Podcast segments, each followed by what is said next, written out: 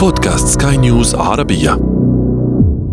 أهلا بكم إلى هذا أنا الذي يسلط الضوء على شخصيات تركت بصماتها عبر التاريخ.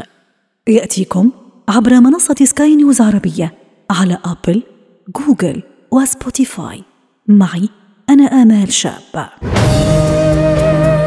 هذا أنا هذا أنا هذا أنا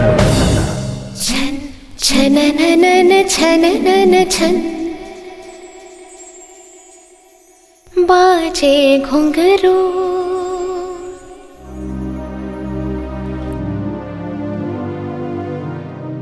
مدينة والله باد ولاية أوتار براديش شمالي الهند إننا في عام 1889 شهر نوفمبر في يومه الرابع عشر موتيلان نيهرو المحامي المشهور يرزق بجواهر لال وكعادة أبناء الطبقة الأرستقراطية جواهر لال يشد الرحال إلى لندن حيث سينتسب لمدارسها ومعاهدها قبل أن يتخرج في جامعة كامبريدج في القانون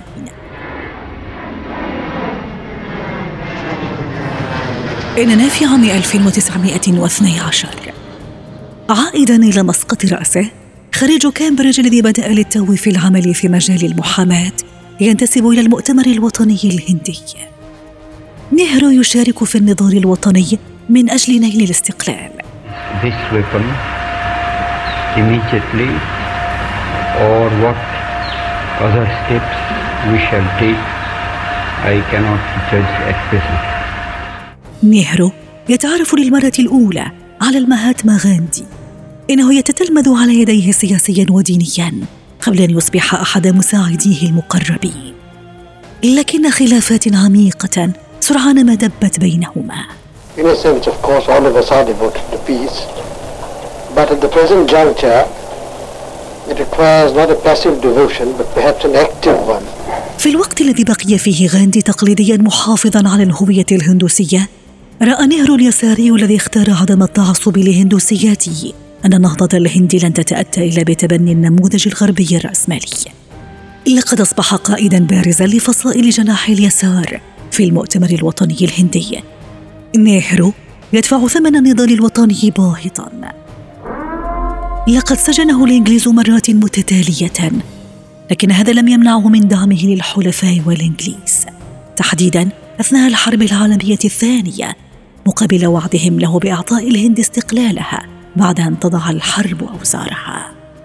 إننا في عام 1946 نيهرو يصبح رئيسا للحكومة الهندية المؤقتة وهي الحكومة المسؤولة عن تحضير الترتيبات الضرورية لنيل الهند استقلالها عن الحكم البريطاني عام 1947 نهرو يصبح رئيس وزراء الهند المستقلة قبل أن يتوج الزعيم الأوحد للوطنية الهندية بعد اغتيال غاندي عام 1948 وجلس داعي السلام الشهيران نهرو وعبد الناصر وكلاهما يحمل في روحه مسؤولية نجاح تلك الأيام الخطيرة. إننا في عام 1955 في مؤتمر باندونغ الشهير نهرو المناضل العنيد ضد الاستعمار يؤسس مع الرئيس المصري جمال عبد الناصر.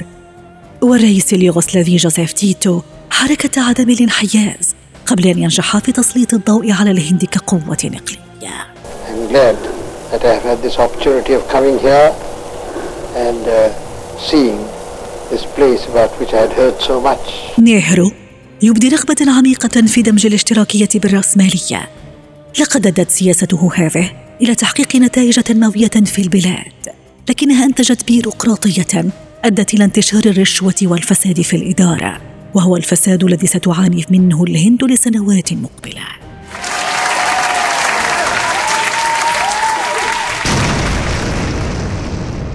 ولأن للنجاح أعداءه وضريبته.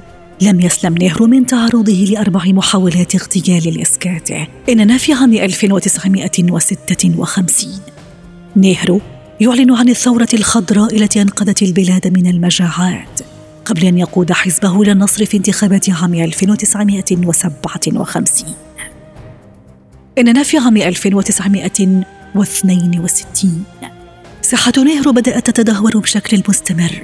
قبل أن يرحل عن هذه الحياة في السابع والعشرين من مايو عام 1964 هذا أنا هذا أنا.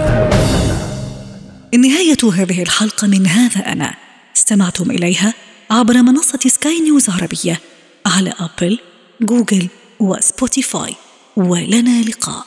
تقبلوا تحياتي. أنا آمال شابة في الإعداد والتقديم وتحيات المخرج يحيى جلال.